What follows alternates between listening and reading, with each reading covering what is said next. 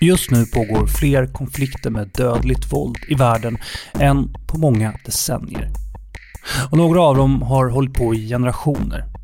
Även om fiender blivit allierade. Om alla parter byts ut så verkar det som att några problem bara inte går att lösa. Men hur kan det här få fortgå? Går det inte att förutse och förebygga många av de motsättningar som gör att det är så svårt att skapa fred? Och kan inte utomstående hjälpa till om inte parterna själva kan hitta en lösning? Varför finns det konflikter som aldrig tar slut?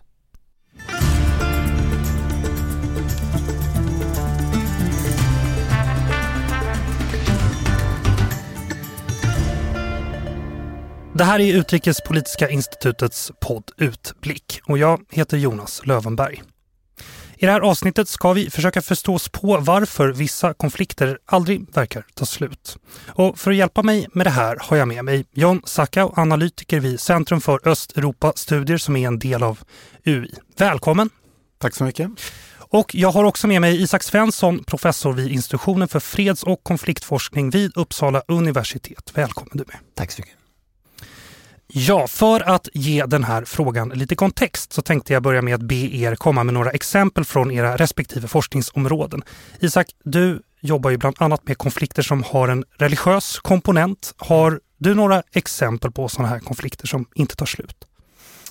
Ja, jag är väl egentligen lite skeptisk till den frågeställningen att de aldrig tar slut. Ja, så det är bra. Jag ifrågasätter det från början. Ja, jag tror att all, alla konflikter tar slut någon gång, mm. men vi, vi har ju konflikter som är väldigt, väldigt långvariga. Och många av de konflikterna har en, en religiös dimension i sig. Mm. Eh, det betyder inte att de bara handlar om religion eller att religion är nödvändigtvis det viktigaste, men religion finns med som en komponent i den typen av konflikter. Och det kan man se i de, några av de långvariga konflikterna som vi ser runt omkring oss i Israel-Palestina, i Myanmar eller i, i Kashmir, Indien till exempel. Eh, men vi ser ju också, som till exempel med konflikten i Afghanistan som har varit en av de mest våldsamma och långsamma, långvariga konflikter som har funnits. Eh, den tycks ju på något sätt eh, ha tagit sitt slut i alla fall i någon form just nu med en vinst för talibanerna. Sen är det återstår att se om det faktiskt blir en, en fredlig utveckling i det landet förstås. Men i alla de där konflikterna så finns, eh, finns det religiösa dimensioner. Det finns eh, ehm, eh, en del frågeställningar som har att göra med religion och som också eh, på, på, vissa sätt bidrar till att göra de här svårare än andra att lösa och få, och få komma till ett slut. Just det, vi kanske skulle kalla det här för långdragna konflikter, men det, det är lite mer dramatiskt med aldrig tar slut. Mm, ja. men vi, vi återkommer till det. Um, John, jag ska ställa samma fråga till dig. Du har ju koll på just Östeuropa där Rysslands intressen är ju en återkommande faktor då. i flera av de konflikter som pågår. Har du några exempel från, från ditt område? Ja, det har jag. Tack. Ehm, det stämmer att Ryssland och ryska intressen är centrala faktorer i de flesta, om inte alla av de så kallade utdragna konflikter som utspelar sig i Östeuropa i länder som Ukraina, Georgien och Moldavien. Gemensamt för de här länderna är att de saknar kontroll eh, över delar av sina territorier. Där det istället finns ryska och Moskvastödda militära styrkor eh, i olika former som saknar tillstånd för sin eh, närvaro där från ländernas centralregeringar. Dessutom finns det ett slags alternativa ryskstödda parallella civila myndigheter eh, och andra strukturer Eh, som inte heller står under centralregeringarnas eh, kontroll. Och vad som med åren har blivit allt tydligare, särskilt sedan kriget i Georgien 2008 och den ryska aggressionen mot Ukraina 2014, är att Ryssland instrumentaliserar de här konflikterna. Det vill säga förstärker dem eller till och med iscensätter dem för att skaffa, skaffa sig inflytande och nå politiska mål. Varför agerar då Ryssland på detta sätt? Jo, att Ryssland undergräver de här ländernas suveränitet och territoriella integritet, inte respekterar deras gränser, har inte att göra med någon vilja att skydda, kontrollera eller kanske annektera specifika territorier, vilket man kanske skulle kunna tro. Istället är det så att man använder sig av konflikterna för att påverka det politiska beslutsfattandet i de länder där de utspelas. Bland annat för att förhindra att de rör sig mot NATO eh, eller EU. Mm. Och förutom de här utrikespolitiska bevekelsegrunderna så finns det också inrikespolitiska skäl bakom eh, det ryska agerandet. Konflikterna handlar nämligen eh, inte bara om utrikespolitik utan också om att de ryska makthavarna vill trygga sitt eget maktinnehav och sin egen säkerhet. Och det här kanske vi kan återkomma till, jag tycker det är intressant. I båda fallen handlar det om att skriva om spelreglerna för vad som är tillåtet att göra eh, i Europa. Det här handlar alltså inte om några lokala eller regionala konflikter i Europas periferi, så mycket som en systemkris för den europeiska säkerheten och den europeiska säkerhetsordningen. Det vill säga spelreglerna, folkrätten, de principer och åtaganden som man gemensamt har kommit överens om, bland annat inom OSSE, Organisationen för säkerhet och samarbete i Europa och Europarådet. Det här är alltså regler som Ryssland har varit med eh, och tagit fram eh, och gått med på. Men som man inte respekterar. Du säger Ukraina, vad hade du med? Just det, eh, Ukraina, där känner säkert många igen eh, namn som eh, Krim, som ja. är illegalt annekterat av Ryssland eh, och östra Donbass i östra delen mm. av Ukraina. Där det pågår strider och skördar liv och leder till skador i princip dagligen. I Georgien har vi två områden som brukar kallas Abchazien och Sydossetien, eh, vilka för övrigt också har erkänts som självständiga stater av Ryssland, men knappt någon annan. Mm. Och slutligen Moldavien, där har vi ett område som eh, kallas Transnistrien, eh, som inte heller står under den centrala regeringens kontroll. Just det, där har vi några tydliga platser på kartan. Liksom. Men vi ska också fundera lite på, innan vi fortsätter på Eh, Eh, begreppen här. Och för att gräva lite djupare i det här så måste vi ju redogöra för just några av definitionerna eh, som man behöver för att diskutera konflikter. Och jag tänkte vi skulle börja med just termen konflikt. Förra veckan hälsade jag på en kollega till Isak som jobbar på Uppsala universitet med deras konfliktdatabas där man håller koll på just pågående konflikter och i ett sådant arbete är ju definitioner avgörande. Så vi lyssnar på det. Jag heter Therese Pettersson och är forskningssamordnare på UCDP. UCDP står för Uppsala Conflict Data Program, så det är ett konfliktdataprogram som är baserat på Institutionen för freds och konfliktforskning, där vi är, på Uppsala universitet. Eh, rent praktiskt så börjar vi med en eh, nyhetssökning, så vi är 10-15 personer som jobbar med det här, det är ett stort projekt. Och vi börjar med att läsa nyhetsartiklar för alla länder i hela världen. Och då har vi en eh, söktermer som plockar upp artiklar där det har dött någon helt enkelt. Och vi tittar då på de här fallen för att se om de eh, passar in i våra definitioner. Vi tittar på dem genom, genom vår definition som en lins och ser om det här kan vara ett exempel på väpnad konflikt eller organiserat våld. Eh, och är det det så lägger vi in det i vårt, vår databas som vi har byggt för det här ändamålet. Och sen så går vi också igenom en mängd olika rapporter från människorättsorganisationer, från folk på plats, eh, sanningskommissioner, eh, olika typer av utredningar som görs när någonting har hänt och sådär. Så det är många olika steg, men vi börjar med nyhetsmedia. Och det är ju öppna källor vi använder, det kan man ju nämna. Okej, okay, och precis den här linsen är ju det som är så spännande här. Vad är en konflikt då? Hur ser era mätpunkter ut? Hur är lins utformad? Ja, den här linsen är eh, en väldigt strikt definition och det är den definitionen som har blivit standard i forskningsfältet också.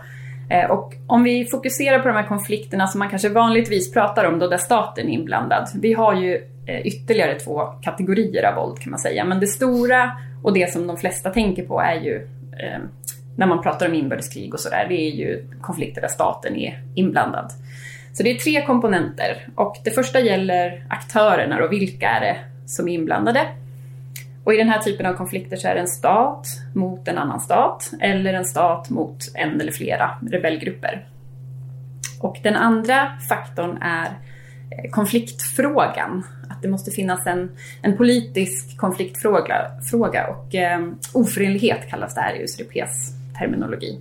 Och det ska då gälla regeringsmakt, att man vill störta regeringen, ta makten i ett land, eh, eller att man vill ha ett, territorium, att man vill ha självständighet eller självstyre till exempel.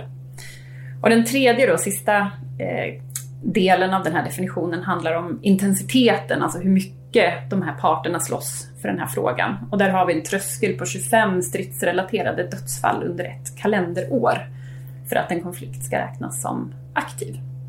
Så uppfyller man de här tre då så, så räknas det som en aktiv väpnad konflikt i US data. Du pratar också om andra typer av konflikter. Mäter ni dem också? Hur fungerar det? De mäts på eh, samma sätt när det kommer till eh, att vi har den här gränsen på 25 döda under ett kalenderår. Men då gäller det konflikter, dels har vi det som kallas för non-state conflicts eller icke-statliga konflikter i någon knölig översättning på svenska.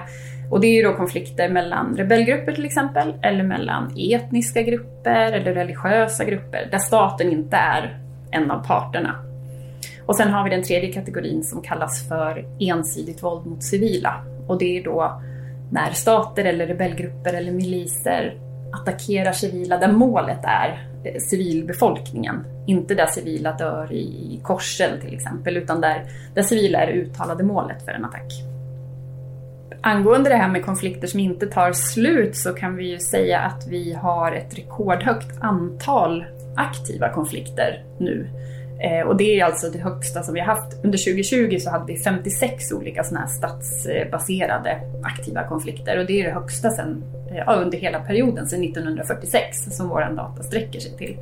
Och det tyder ju på att det är konflikter som har varit svåra att lösa så att säga eftersom antalet eh, ökar. Och det drivs delvis av IS som har expanderat geografiskt och spridit sig till nya delar av världen. Men inte bara, utan en del är också sådana långa eh, spänningar som har funnits länge men som kanske inte nödvändigtvis har eh, lett till aktiv konflikt. Det kanske har varit inaktivt eller aktivt på en väldigt låg nivå under många år och sen blossat upp under de senaste åren. Eh, Nagorno-Karabach till exempel är ett sånt eh, exempel från förra året som en konflikt som har varit inaktiv eller lågaktiv eh, ganska länge. Men som blev väldigt våldsam förra året och hamnade på plats nummer två av de dödligaste konflikterna i världen under förra året. Så det är en utveckling, en ganska oroande utveckling som vi har sett de senaste åren.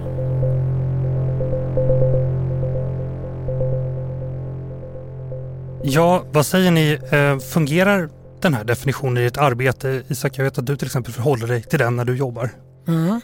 Ja, det, det är ju en definition som är väldigt användbar när man ska jämföra olika mm. länder och man ska ha ett strikt kriterium för att kunna titta på olika eh, länder eh, också över tid.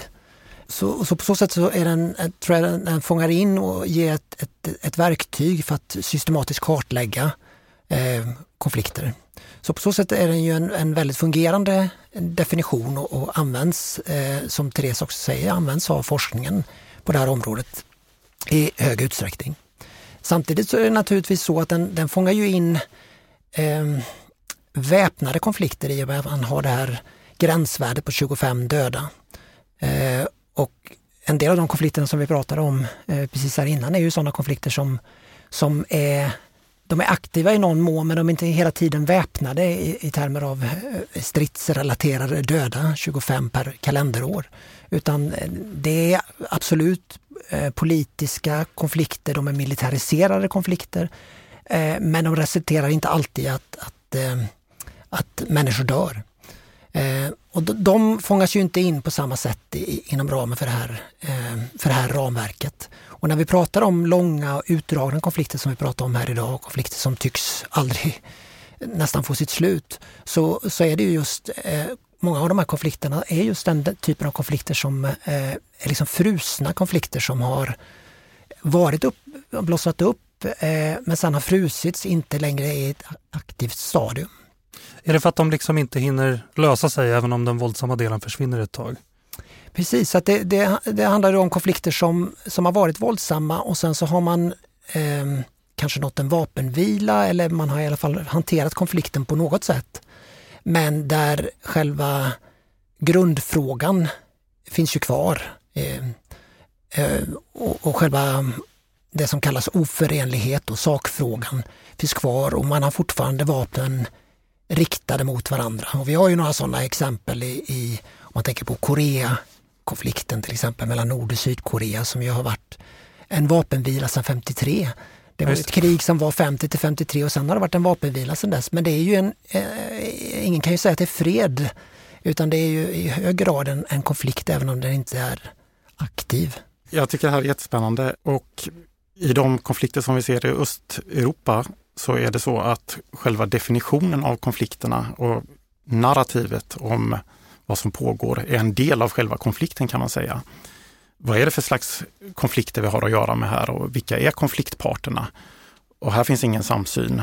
Eh, och man skulle nästan kunna säga att det pågår konflikter i två dimensioner här. Eh, det ena, på det ena planet så handlar det om vad som pågår på marken. Eh, utvecklingen där så att säga. Men sen finns det också en ytterligare dimension. Hur ska, vad är det för konflikt? Vad är det för konfliktparter och sådär? där? jag tänkte på ett exempel. I februari-mars 2014 så dök de här ökända gröna männen upp på Krimhalvön och tog kontroll över den. Men vad var det egentligen som skedde där? Var det, som Ryssland hävdade, lokala så kallade separatister eller i själva verket ryska soldater i uniformer utan märken. Eh, och det här spelar alltså en roll för eh, hur man ska reagera på konflikten, eh, det internationella Eh, samfundet, men också hur man ska utforma konfliktlösningsprocesser, eh, kanske försöka få till förtroendeskapande åtgärder. Mellan vilka är det förtroende behöver byggas och så vidare. Eh, och här är det intressant också att i de här konflikterna vi ser i det östra grannskapet till EU så hävdar då Ryssland att landet inte är någon konfliktpart. Eh, det är uppenbart för de allra flesta att landet är djupt inblandat, men Ryssland säger nej, vi är inte inblandade. Det här handlar om olika lokala etniska eller territoriella konflikter som lite längre bak så kanske står USA eller övriga västvärlden eh, och på något sätt ligger bakom det här för att skada Ryssland och ryska intressen. Eh, så det här är värt att ha med sig när man, när man tänker på de här konflikterna, att man inte direkt eh, köper ett narrativ så att säga, utan man måste borra i det här och förstå vilka är det egentligen som har en konflikt med varandra här. Man kan tänka på Afghanistan-konflikten som ju nu har avslutats genom seger för eh, talibanrörelsen, vad, vad, vad vi, så, som det tycks vara just nu i alla fall, vad vi kan se. Och, och, och precis det som du säger här, att, att det finns olika sätt att se på den konflikten. För ur talibanrörelsens perspektiv så handlar ju det här i, i, i huvudsak om en konflikt mellan talibanrörelsen och en, vad man såg som en utländsk aggression från, från, ledd framförallt från USA. Eh, medan eh, vi har tenderat att se det här som en konflikt egentligen mellan en, en, en inbördes konflikt mellan regeringen, den förra regeringen då i, i Kabul och talibanrörelsen. Så det här är två, två helt olika perspektiv att se på det. Eh, och det spelar roll för hur, hur, hur långvariga de blir också. Men, men ska jag förstå det här som att den definition, man måste enas nästan om någon typ av definition för att kunna hantera konflikten ibland? Är det så? Ja, eh, jag tror att eh, det här med sakfrågan, vad konflikten mm. handlar om, är ju en väldigt viktig del i konfliktlösningen.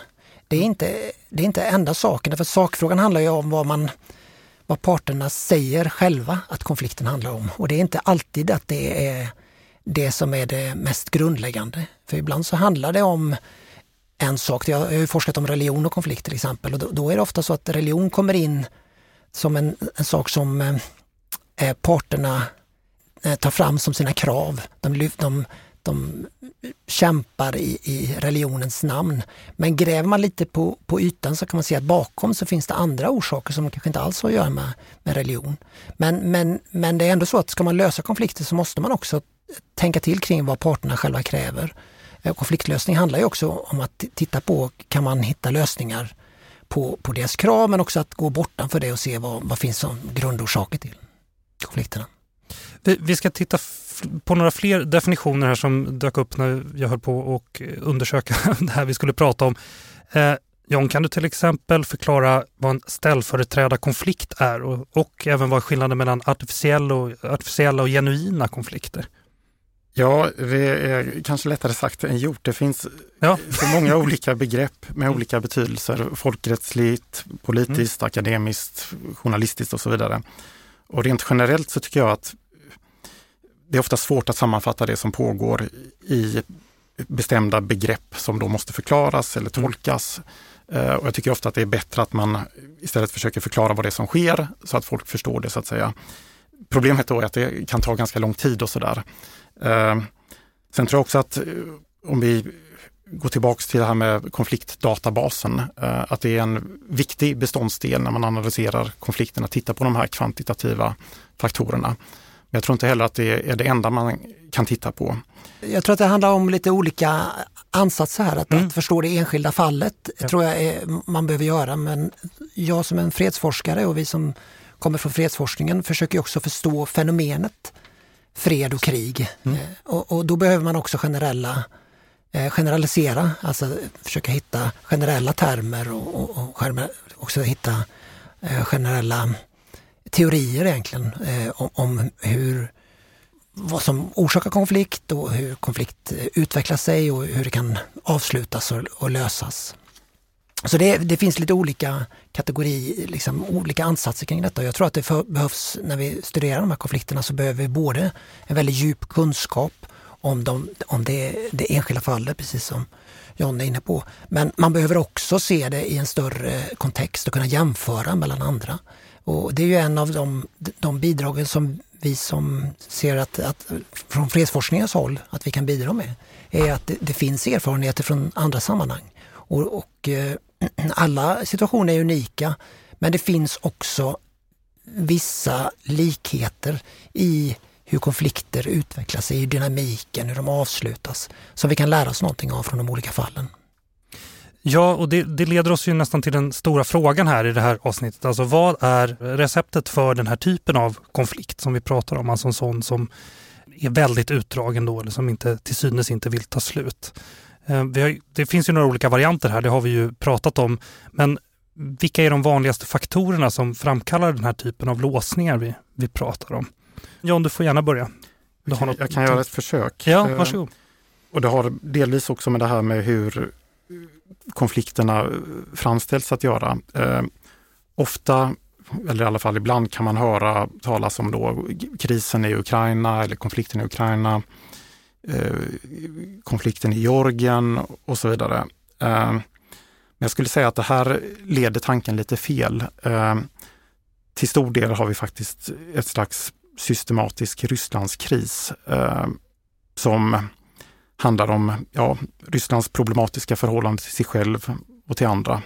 Vilken roll landet ska spela i världen helt enkelt. Ehm, och här spelar såklart, som i så många konflikter, historia och geografi en roll. Vad som hände för länge sedan i Tsarryssland, i Sovjetunionen, som ju länder som Ukraina, Georgien och Moldavien tidigare var en del av. Och särskilt när de här imperierna, alltså Tsarryssland och Sovjetunionen, föll samman och nya stater uppstod eller återuppstod. Ehm, det spelar en roll. Ehm, samtidigt vad det framförallt handlar om idag, som jag var inne på tidigare, är att Ryssland ser konflikt som ett verktyg för att nå politiska mål. Ehm, inte minst att förhindra länder som de här tre att närma sig NATO eh, och EU.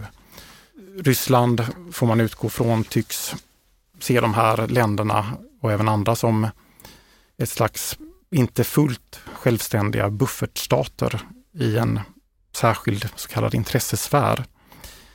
Eh, och här, det här är så att säga drivkrafterna och sen tar det här sig olika uttryck. Eh, man agerar opportunistiskt, snabbt och överraskande, improviserar kanske ibland och ser vilka, vilka strängar kan vi spela på. Det finns då i många av de här länderna vissa lokala spänningar som man kan blåsa upp så att säga. Eh, I vissa fall hittar man på fritt fabulerande men ibland finns det eh, lokala spänningar som, som man kan eh, utnyttja sig av och instrumentalisera. Så att på de flesta håll så hade konfliktsituationerna varit förmodligen lättare att handskas med om Ryssland inte hade varit där. Ehm, det betyder inte att de hade varit lätta, till exempel i Georgien. Där hade det funnits ett behov av försoning, eh, återintegrering och så vidare, eh, förtroendeskapande. Men ändå.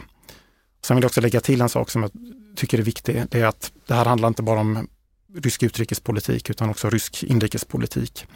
En vilja hos de ryska makthavarna att säkra sin egen politiska eller kanske till och med fysiska eh, säkerhet och överlevnad. Det är nämligen så att man i Ryssland, i Moskva, känner en rädsla för att förlora makten eh, och fruktar protester inom det egna landet. Eh, det här är också anledningen till den tilltagande repression som vi ser eh, i Ryssland nu. Men det stannar inte där. Eh, också spridandet av demokrati till Rysslands grannländer, eh, som då Ryssland ser som sin exklusiva intressesfär, upplever man i Moskva vara ett existentiellt hot. Eh, då kommer så att säga demokratiseringsvågen ett steg närmare Ryssland. Om den skulle nå in i Ryssland så skulle det innebära en stor risk för den nuvarande ledningen. Ehm, och då känner man att det här vill vi motverka och vi måste göra det även utanför våra egna gränser.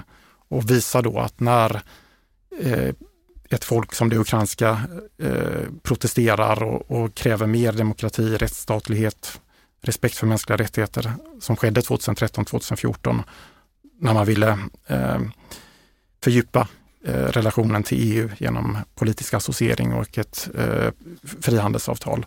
Eh, då vill man visa att det här leder till kaos så att säga. Eh, vilket är någonting man kanske inte vill ha som förstahandsval men som man tar till när inget annat eh, fungerar. Jag håller, jag håller, helt med om detta och jag bara lägga till att det finns ju också andra länder, förutom Ryssland, som spelar liknande roll, även om jag tycker, precis som du säger, att Ryssland kanske är en av de viktiga aktörerna just nu när det gäller väpnade konflikter. Men man kan se liknande dynamik med, med andra länder som, som Turkiet, vi kan se Saudiarabien, eh, vi kan se Iran, som, som alla agerar utanför gränserna för att säkra sina egna intressen och blanda sig i, i andra konflikter. Och det här är ett, ett fenomen som vi har sett eh, öka över tid. Eh, och tar man den här definitionen då av, av väpnade konflikter så pratar vi ibland om konflikter mellan länder och ibland om inom länder. Och så finns det en mellankategori där du har inomstatliga konflikter men där du har externa aktörer och den kallar vi då internationaliserade inomstatliga konflikter. Och den typen av konflikt har ju ökat mest över tid. Eh, det är den kategori som ökar mest just nu. Eh, och det där är tecken tror jag på, på en förändrad, eh, ett förändrat internationellt system helt enkelt. Att vi ser eh, större inblandning av, av regionala makter. Så jag tror att precis som du är inne på John, så kan det här generaliseras till, till, till, en, till, ett, större, till ett större fenomen. Och så ska man också nämna USAs roll. Alltså den konflikt som har varit längst pågående eh, i, i, och mest intensiv över tid, det är ju Afghanistan. Eh, det är en konflikt som har eh, pågått sedan sen, eh, 78, alltså 43 år. Eh, och eh, talibanrörelsen har varit aktiv i den konflikten sedan 2005. Ehm, de var ju i regeringsmakt tidigare. Eh, när de blev eh, utkastade av den amerikanska interventionen. Så det, det, är ju en konflikt som har varit väldigt länge där, där USA har varit en inblandad. Det bör, bör jag också nämna. Men okej, okay, min, min, fråga är ju här, jag letar ju efter de här eh, delarna i receptet då, så, så stormaktspolitik låter ju som att det är en ganska tydlig sådan återkommande faktor. Har ni några fler som ni kan komma på? Ja, alltså en, en viktig fråga är ju det som vi kallar statsformation, alltså länder som inte har lyckats eh, ena sig om en gemensam idé om vad deras stat ska gå ut på, vem staten är till för och vem, vad, vad staten är så att säga, eh, har ju en inbyggd motsättning. Och några av de längsta konflikterna som vi ser i världen, jag tänker på Israel-Palestina, jag tänker på Indien, eh, Kashmir, jag tänker på en serie konflikter i, i, i Myanmar är just av den karaktären att eh, det är statsformationskonflikter. Man, man är inte överens om så att säga vad, vad, vad, eh, hur staten ska se ut. Och det finns eh, grupper då som vill ha självstyre, som vill bryta sig ut eh, eller som vill ha självbestämmande inom ramen för den här staten. Så det, det är ju en, en, en typisk eh, dynamik som skapar väldigt långvariga konflikter och som det är svårt att liksom hitta en hitta en, en, en lösning på eh, militärt sätt. Därför att den, den här frågan om, om självbestämmande för, för olika grupper lever kvar i den här typen av konflikter. Och, och de går ofta tillbaka till själva början av hur de här länderna skapade. Den religiösa komponenten, då ska jag passa på att fråga dig när jag mm. har dig här. Är det också en återkommande komponent här i, i lång utdragna Ja det är det, men det, det, är också intressant att i en del av de här konflikterna så kommer ju den in relativt sent. Om vi mm. går tillbaka till Israel-Palestina-konflikten till exempel så mm, kan man ju se att den konflikten började 48 men det var inte förrän 88 som Hamas bildades. Så de första årtiondena av konflikt så var det egentligen inte en religiöst definierad konflikt utan det var, eh, kom in ganska sent i konfliktdynamiken. Att eh, krav på, på att man skulle inte bara skapa en palestinsk stat utan att det skulle vara en islamistisk palestinsk stat. Så det, det, kom in senare och i viss mån en konsekvens av att man hade misslyckats med att hantera konflikter på något annat sätt. Och det där kan man se eh, i en del andra konflikter, jag tänker på Tjetjenien också som är eh, närmare ditt, ditt område, som, som eh, också har den dynamiken, eller hur? Där, där det var eh, först en mer eh, mer en nationalistiskt eh, orienterad konflikt och sen kom religionen in och blev mer och mer radikaliserad efterhand.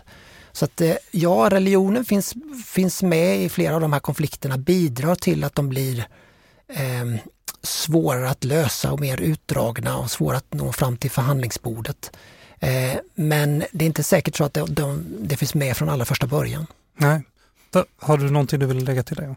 Ja, jag tänker kanske inte riktigt lika viktiga drivkrafter men konflikt kan ibland också fylla inrikespolitiska syften mm. i den meningen att de kan fungera som en ursäkt för inhemska problem eller ett sätt att avleda uppmärksamheten från de här.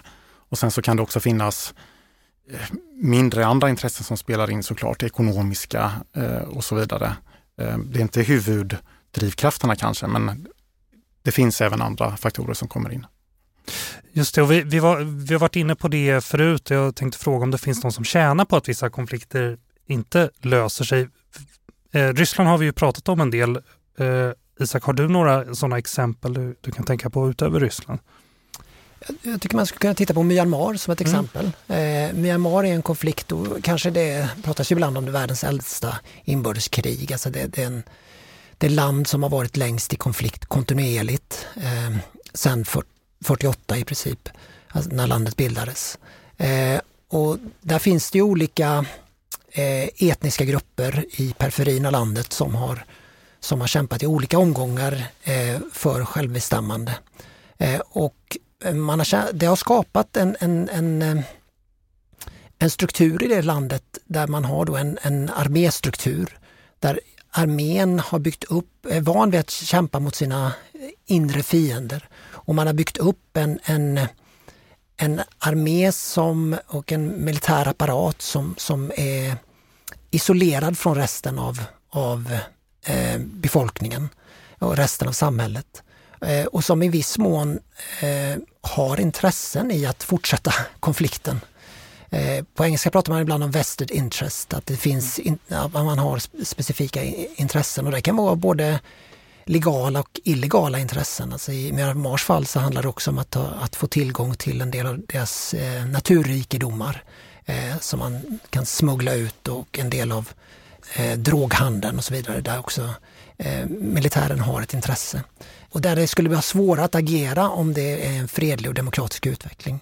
Eh, och där det därför finns ett intresse att, att fortsätta hålla landet i en, ett konstant konflikt, konfliktläge.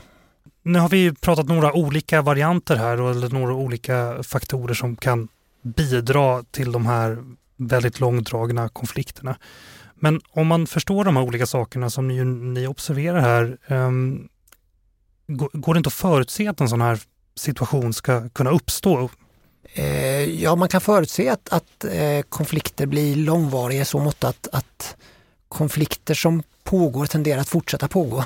Ja, okay, så, att, så, att, det bästa sättet att förutse om det är en konflikt i ett land är, imorgon är att titta på om det är en konflikt idag.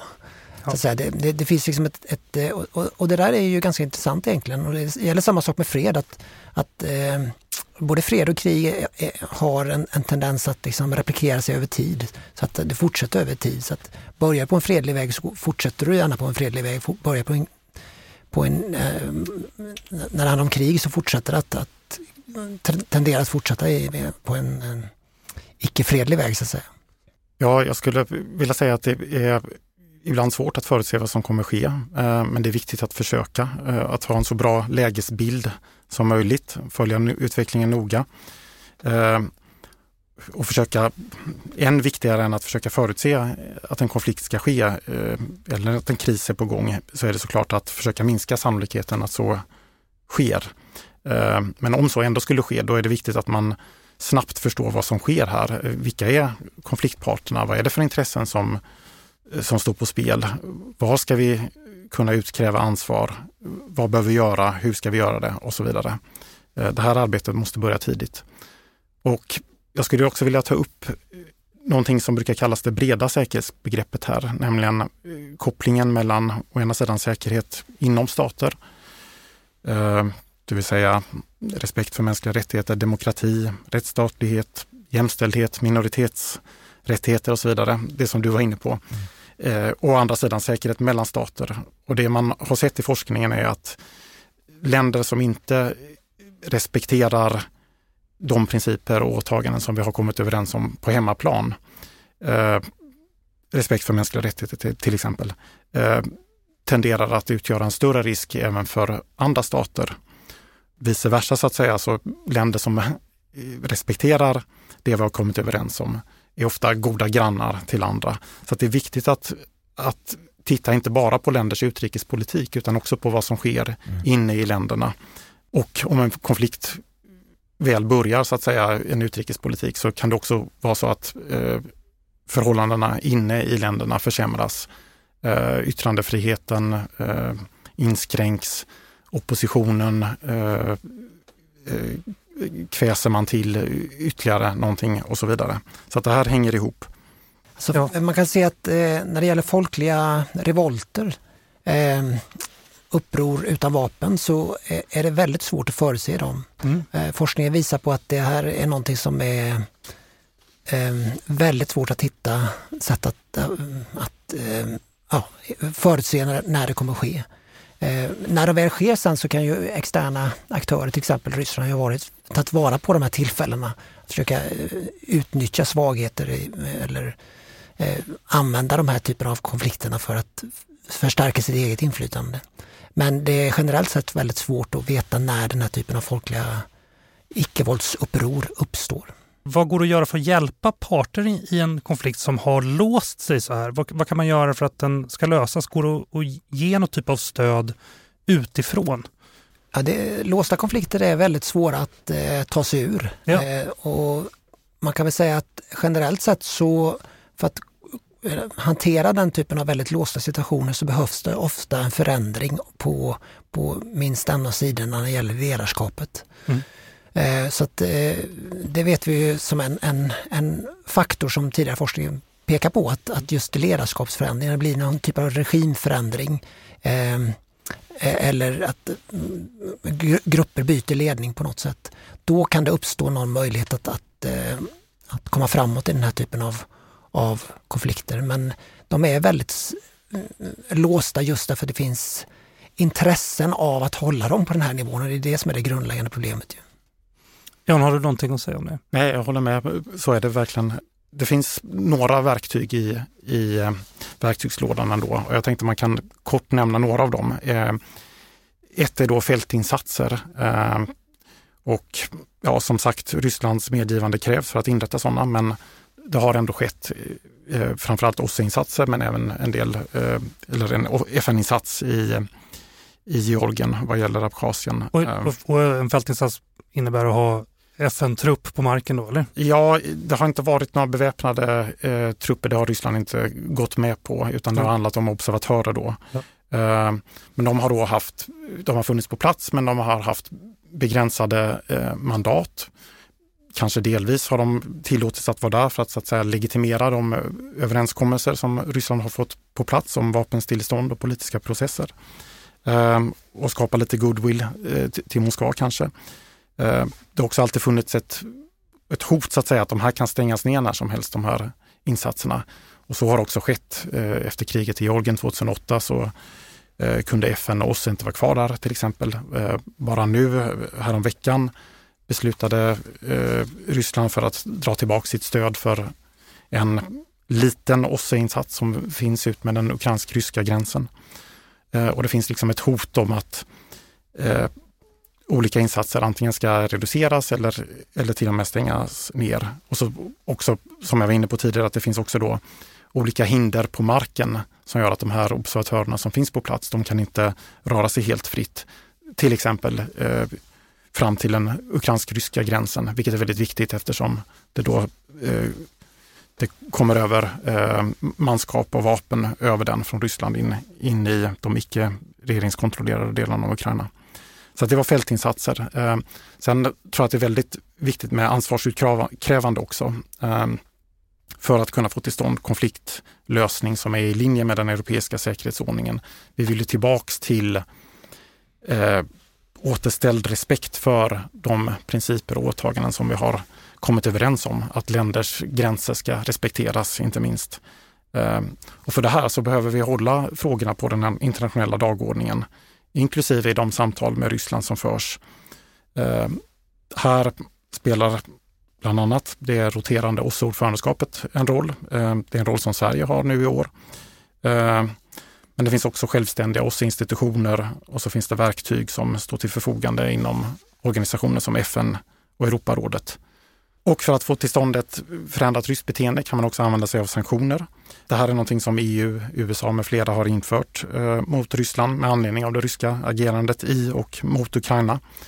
Det syftar till att, inte att bestraffa Ryssland utan att få dem att ändra sitt beteende, ändra sin kalkyl så att säga.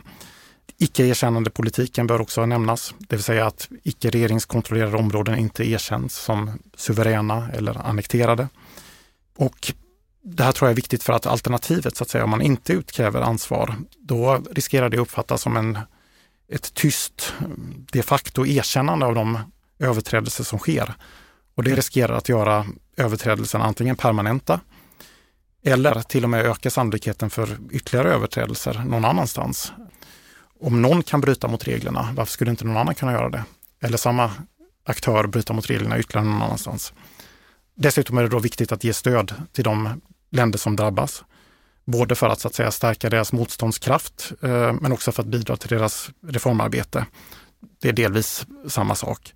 Men vi behöver liksom uppmuntra och stödja den demokratiska och ekonomiska utveckling som vi vill se i de här länderna som gör att de kan bli bättre rustade för att stå emot olika illegitima påverkansförsök och samtidigt då utvecklas och förhoppningsvis öka sin attraktionskraft gentemot lokalbefolkningen i de delar av landet som de inte kontrollerar vilket då förhoppningsvis ökar sannolikheten för försoning och eh, konfliktlösning. Men får jag bygga ja, på det, för det finns ja. fler verktyg som jag bara ska lägga till om man, om man tar det lite mer från ett globalt eh, perspektiv. Jag tänker på tre konflikter som har varit väldigt långvariga men som faktiskt har fått sitt slut via, eh, via förhandlingar, eh, dialog och fredsavtal. Då tänker jag på Colombia, Filippinerna och Sudan. Mm. Och I alla de tre länderna så var det precis som, som jag var inne på, det var, fanns sanktioner, det fanns ansvarsutkrävanden, det fanns eh, stöd till demokratisk utveckling och ekonomiskt stöd. Men det fanns också en förhandlingsprocess och det fanns ett, som, som i alla de här tre länderna eh, var väldigt utdragen, tog lång tid. Det tog lång tid att komma till förhandlingsbordet och väl vid förhandlingsbordet tog lång tid att, att utverka en lösning. Men man har ändå kommit fram till, till fredsavtal som har löst den typen av, av väldigt lång, långvariga utdragna konflikter.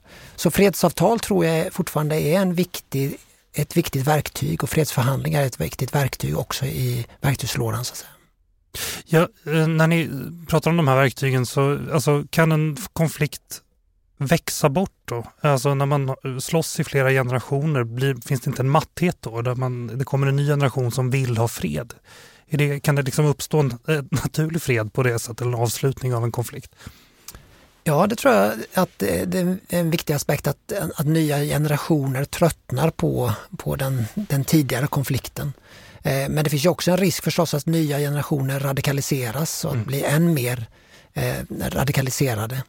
Eh, så det, kan, det där kan gå åt båda hållen så att säga. Avslutningsvis då, finns det några oroshärdar som är extra viktiga att hålla koll på just nu utifrån det här vi pratar om? Finns det några händelser som kan tippa vågen till ett, det väldigt långdragna eller som faktiskt gör att vi kan närma oss ett slut ganska snart på någonting? Har ni några spaningar? John?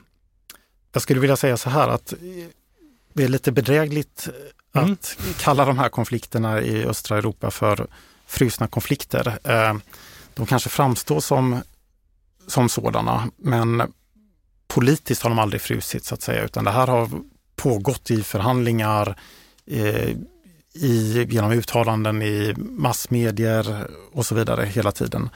Och jag tror att det är lite farligt också att tro att aktörerna inblandade är, anser sina mål fyllda. Det kan ske ytterligare saker här eh, om man tittar på Rysslands agerande i och gentemot Ukraina, Georgien, Moldavien till exempel. Och som vi också sett ett flertal tillfällen, eh, Georgien 2008, Ukraina 2014, kring Nagorno-Karabach i fjol, så kan det också gå väldigt fort från eh, ett läge där väldigt få tittar på vad som sker till att vi har eh, öppna väpnade strider. Men jag kan ändå ta upp två områden om jag ska, ja. eh, ska säga någonting. Det ena är eh, Ukraina. Eh, av de konflikter vi har att göra med i Östeuropa så är detta land särskilt viktigt. Eh, eftersom här har vi att göra med ett angrepp av Europas största land på det näst största. Eh, de ryska överträdelserna är särskilt grava. De innebär inte bara överträdelser mot folkrätten och OSSE-principerna, OSSE-åtaganden och så vidare, utan också mot det så kallade Budapest-memorandumet som var helt enkelt eh, löften från Ryssland och ett antal andra stater om att Ukrainas suveränitet och territoriella integritet skulle respekteras om Ukraina efter Sovjetunionens fall lämnade över de gamla sovjetiska kärnvapen som fanns på ukrainsk mark till Ryssland. Och som vi vet så respekterar Ryssland inte det här. Det innebär att det finns även en, så att säga, en kärnvapendimension kring agerandet i och mot Ukraina. Det här kan ha följder på andra håll i världen. Eh, om vi vill förhindra eh, spridningen av kärnvapen, då är det viktigt att löften som ges hålls. Annars så kommer kanske vissa stater tänka att det är bäst att vi skaffar oss kärnvapen. Och ytterligare en aspekt i Ukraina, där, där dör och skadas människor eh, i princip dagligen fortsatt. Eh, och det ska vi inte glömma, det är, det är människor och människoliv det här handlar om. Och sen skulle jag vilja nämna ett annat land också, nämligen Belarus. Och där har vi inte att göra med någon utdragen konflikt. Det skiljer sig från de andra länderna vi har talat om idag. Men det är snarare en utdragen politisk kris. Men här finns det också vissa gemensamma beröringspunkter. Det handlar om respekten för demokrati, rättsstatlighet, mänskliga rättigheter. Ehm, det handlar också om Rysslands inblandning, vilja att kontrollera utvecklingen i andra länder. Så att med tanke på den repression vi ser i Belarus och i Ryssland så är det någonting som jag skulle vilja eh, flagga för att hålla ögonen på. Så vad ska man hålla koll på? Ska man försöka vara lite hoppfull så här mot slutet ja, och se, se, några möjligheter till, till eh, någon typ av förändring, någon, någon, typ av fredlig eller positiv riktning.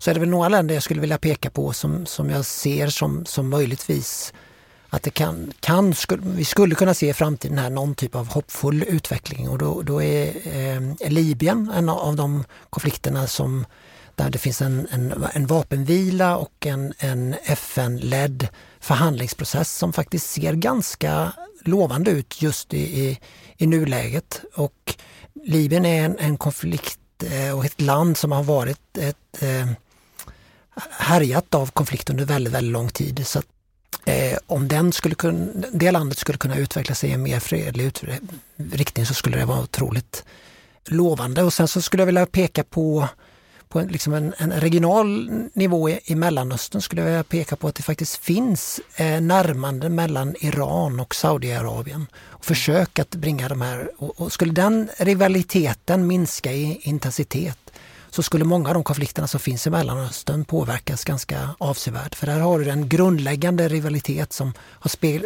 eh, spelats ut i många av de konflikter vi har sett de senaste åren i Jemen, i, i, i Libyen, i, i, i, Syrien och i andra länder också. Och, och, och kan den där, och Irak. Så, så har den där, kan den där eh, konflikten, eh, eh, konfliktrivaliteten minska så är det, så är det hoppfullt. Det, jag, jag skulle säga att det finns, eh, det finns ändå enorma utmaningar förstås, men det finns ändå försök att hantera de här konflikterna och försöka få dem att eh, nå ett slut.